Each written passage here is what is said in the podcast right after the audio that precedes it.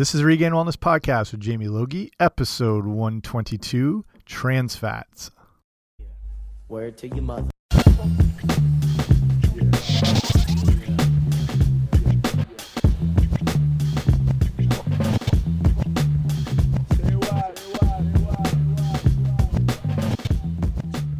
Hey guys, what's happening? Welcome back to the podcast. I'm Jamie Logie. I run regainedwellness.com, and this is the Regained Wellness Podcast of the same name.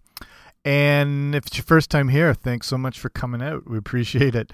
Um, you can go back. I got a bunch of shows. Um, if you haven't gone through them already, I've got every nutrition and fitness topic you can think about. Um, lots of good interviews with some of the best experts in nutrition. I've got some top food bloggers. I've interviewed contestants who are on Top Chef, Master Chef. Um, a pro wrestler makes an appearance. So yeah, take your time and look back. If you're listening for the, usually I do shows once a week for the summer. I spread them out a bit. It's every couple weeks. Um, you know, just things sort of slow down, and I think that works out well. And and like I said, there's lots you can go back and listen to. So if you're, you know, just kicking it for the summertime and you know you're at the beach or you're hang you know just even in your backyard that's the beauty of podcasts is they go anywhere you go. So yeah like i said if you're on vacation or driving or flying or biking or whatever i can be right there with you. It's like we're taking a co vacation um, and like i said so if you make sure to subscribe you just automatically get the show sent to you. So if you're on usually itunes is the way to go but i'm on you know stitcher radio uh, Google Play Music, pretty much anywhere you'd find a podcast, I should be there. Like the Jackson Fives, I should be there. And today I'm going to, I've talked about this a bit before, the whole trans fat issue, but it's a little, you know, just a quick kind of almost like a refresher on um, really what trans fats are and why we want to stay away from them. You're, you're probably very aware of them. They are, you know, pretty vilified now and for good reason. And you know like, like i said it, it, doesn't hurt to kind of go over this again and just um, you know re-educate yourself or you know educate yourself for the first time if this, if this is new information. So um, i'll try and break it down succinctly and um, cover everything and then you can get on with your day. So there's a lot of interesting stuff out there about trans fats and it's good that it's really come more to the public's attention and now that we are you know, like they're making them illegal. Like that should say enough right there. So let's get right into it. So here in kind of trans fats 101, um, if you've over the years, if you've consumed a lot of foods that have come in packages or boxes or, you know, commercial baked goods, not not necessarily like local or um, you know, smaller shop type bakery baked goods, but you know, anything that's overly manufactured. Um, if if the product has a commercial for it in some form, you've probably consumed trans fats. But what is a trans fat? So they trans fats have always been known as partially hydrogenated oils, basically vegetable oil, hydrogenated vegetable oil. Um, and that's how they used to be listed on ingredients. They are now classified as trans fats and basically come from vegetables or sorry, vegetable oils that have been hydrogenated. So what that is is the process of adding hydrogen atoms to a liquid substance so that they remain solid at room temperature. So in the case of a trans fat, they're taking a vegetable oil, which I mean are not good to start with, but they're the problem with vegetable oils is you know, like soybean or canola or um, stuff like that, is they are a refined extraction from a natural source. And when you start to super refine things, that's when you get into problems. And it's the case with sugar. Like if you have sugar cane or beets, you know, it's different in that that that source. But when it's refined down, when you take the sugar out of it, that's when it becomes more harmful. And I mean, another example would probably be um, we probably all know that cocaine is probably not a good thing for us to consume unless you're Lindsay Lohan or someone like that. But if you, they come from the coca leaf. And if you use the coca leaf, um, they make teas out of them. They can actually ward off altitude sickness. They use them in, in like the Andes and places like that, and you can get them in, in various forms. That way, you know, not so bad. But when it's refined and extracted, that's where cocaine comes from, and then that can cause quite a few health problems. This goes back to the um, Coke and cocaine issue when Coke was first created. That's where the name Coca Cola comes from. Coca means from the coca leaf, and cola is um, actually spelled with a K normally. It's a kola nut, and it's got some of the natural caffeine sources um, and the flavors. And the coca leaf as well too was kind of originally in there, sort of for flavor and and and stuff like that. But they would use coca leaves like real ones that would have trace trace amounts of actual cocaine. So it was it was not like they were putting cocaine into original Coca-Cola, but it was, you know, tiny tiny trace amounts. Um, so you could say it was in there, but not that much. After a while, they went to using what's called spent coca leaves, so there was no trace substances. And then in this day and age, they use like a synthetic coca flavor, but that's the whole idea. So that's basically when you start refining things down, that's when the problems happen. And that's the problem with vegetable oils straight up is when they're that like, you know, corn on its own, not too bad. Um, you know, when it's refined down into corn oil or canola or soybean, this thing, this, this is like rocket fuel. It's so concentrated and it causes such inflammation in the body. Um, there's higher omega 6 ratios. I mean, it's just it's like it lights everything up. The idea with inflammation is, you know, if you cut your finger um, or you get a sliver or splinter or whatever, and you know it reddens, it heats up. That's inflammation happening. Um, it's a good thing, you know, it, it, serves a function. But this can be happening internally, but you don't necessarily feel it. Um, but it's causing a lot of chronic problems, and that's what inflammation is, and that's what happens from um, you know, the refining process. So to make it a step, well, way worse, when you hydrogenate, when you add in those hydrogen atoms to this liquid substance, it just compounds the problems.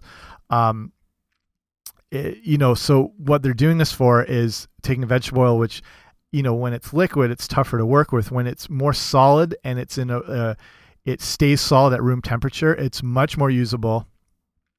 Um, and it's also super cheap as well too. So why like you know what's the other reasons you'd want to turn something from a liquid to a solid? You know when you have a substance in a solid form, it's more it's more pliable um, and it's adjustable for different situations. So in the case of what we're looking at here in food, it allows for higher temperature baking while still providing a nice browning effect. When people were kind of getting away from um, you know, there there's the movement into kind of low fat foods and removing, um, you know, fat from things, but they're trying to make up the the texture changes and like the mouth feel and whatever. And they would use things like high fructose corn syrup, and then they want to add back in the, a different you know, without using say natural butters or whatever, and then they come along with the idea of making trans fats, um, so then they can make these products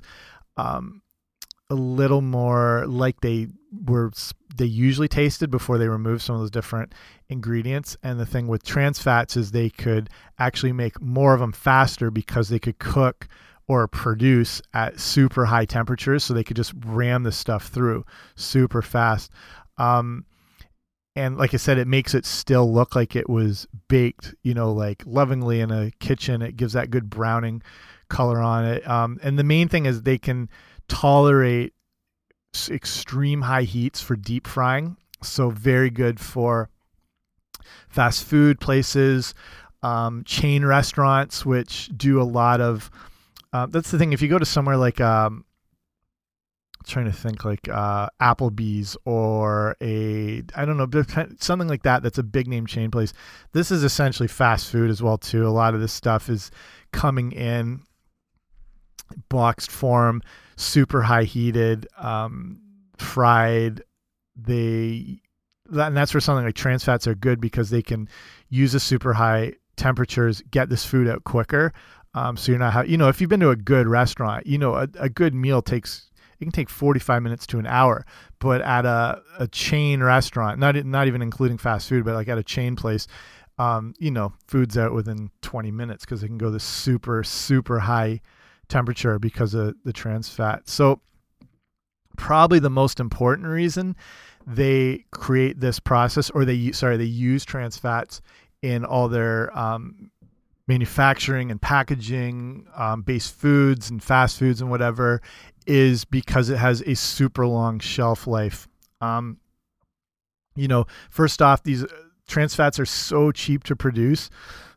sorry, and you can create products that can stay on shelves for a much longer period of time. So there's less waste and lower overhead costs overall because they're not having to replace this stuff like bags of cookies or whatever. They can stay on the shelves for months and months, and they probably do, even longer. Who knows um, how long some of those things for, go for? And that's really one of the main purposes of trans fat. It's almost like a preservative in a disgusting way in how it can keep this extended shelf life. So with trans fats, the food designers are they're really able to, like I was talking about, to manipulate that mouth feel and the texture of foods, and that that's a large part of what makes food appeal and not appeal to us is texture. Well, usually, if you don't like something, it's not necessarily that you don't like the flavor of it.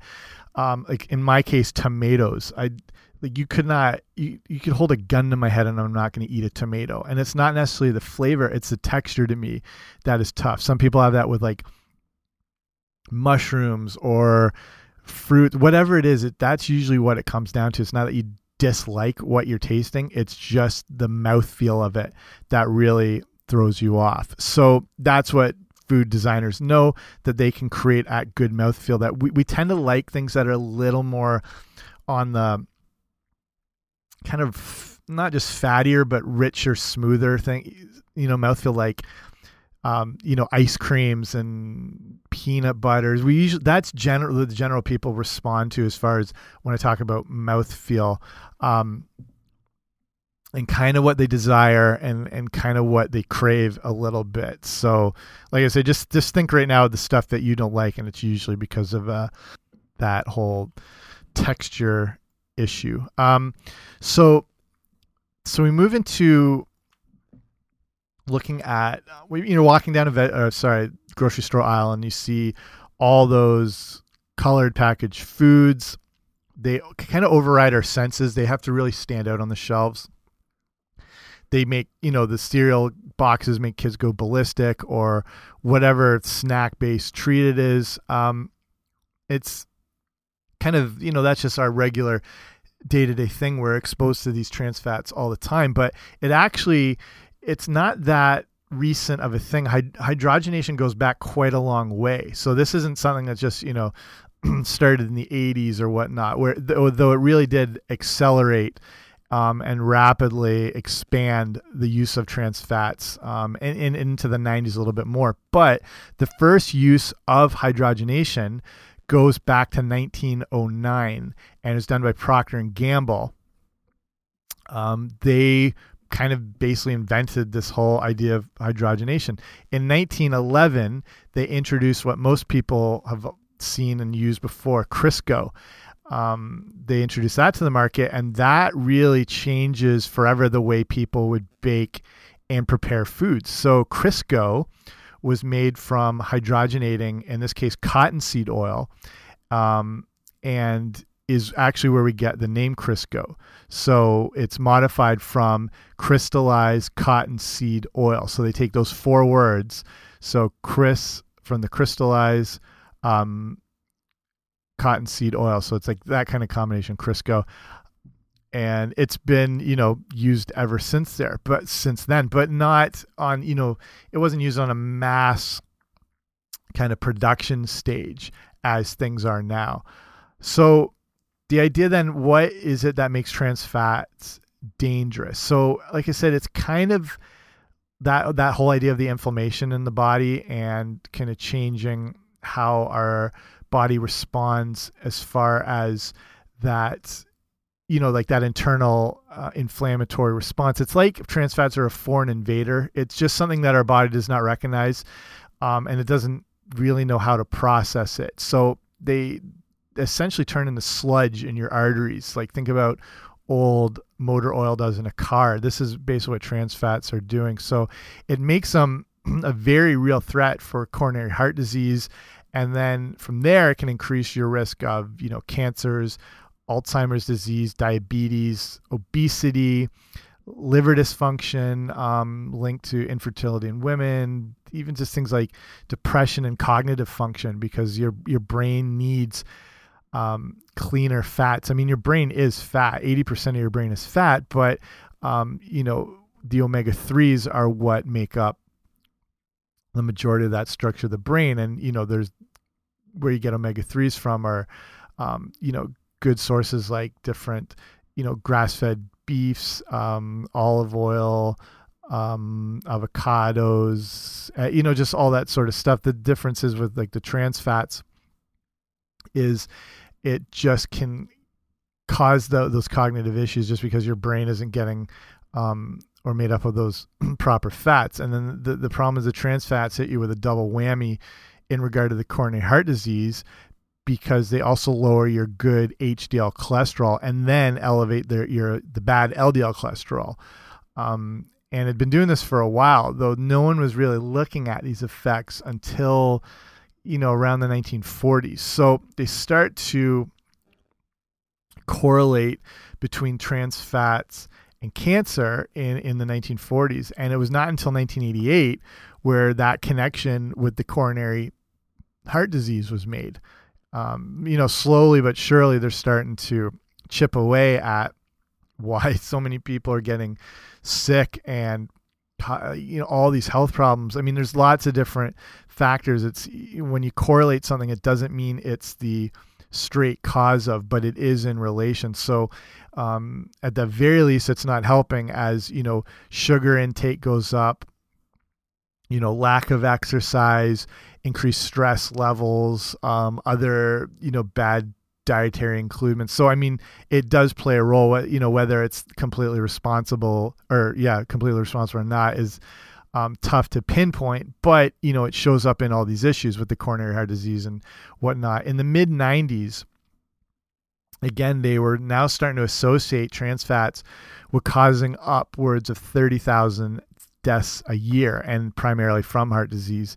Um, the problem is the USDA is was still continuing to promote them up until 2005. You know, just not kind of you know not shutting down this whole um, concept of using trans fats, just kind of allowing them to be you know used free reign, not you know monitoring the whole situation. Um, and in 2006, they were estimating that the death count was approaching 100,000 people a year. You know, obviously there can be other factors if you look at um, you know these people could still be smoking they could be drinking a lot but definitely not helping if not potentially causing all these issues so like i mentioned how you know how can you avoid them if you spent your life eating packaged processed boxed fast foods like i said you're pretty sure you uh, you've consumed trans fats at some point. So that generally, here's where they're found. um, as of right now, when if you wanted to identify what contains a trans fat, basically cookies, crackers, cakes, um, store bought pie crusts, store bought pizza doughs, um, some breads, various margarines and shortening, um, pre mixed items such as cake and pancake mix, pretty much all fried foods a lot of chips. They're, they're moving away from them a lot now. Um, trans fats, a lot of candy, microwave and movie popcorn. That's a brutal source of them. Um, movie popcorn, especially, man, the stuff they put on that is, I mean, you can be looking at thousands of calories just in one movie popcorn serving.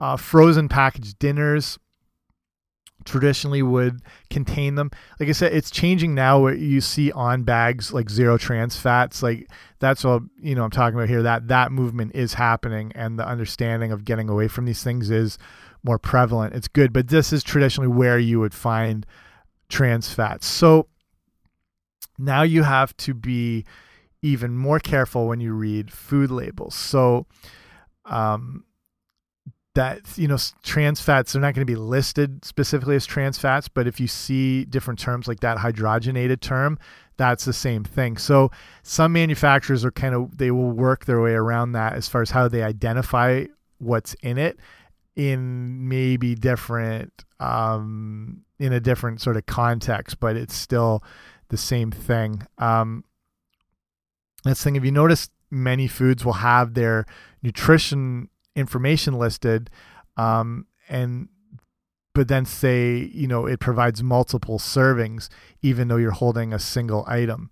Um, you know you might be just as an example like you're holding whatever package and it says this is um, contains this much but it, it actually is like four servings or whatever and you're only looking at the one they basically they can they can break it down into servings.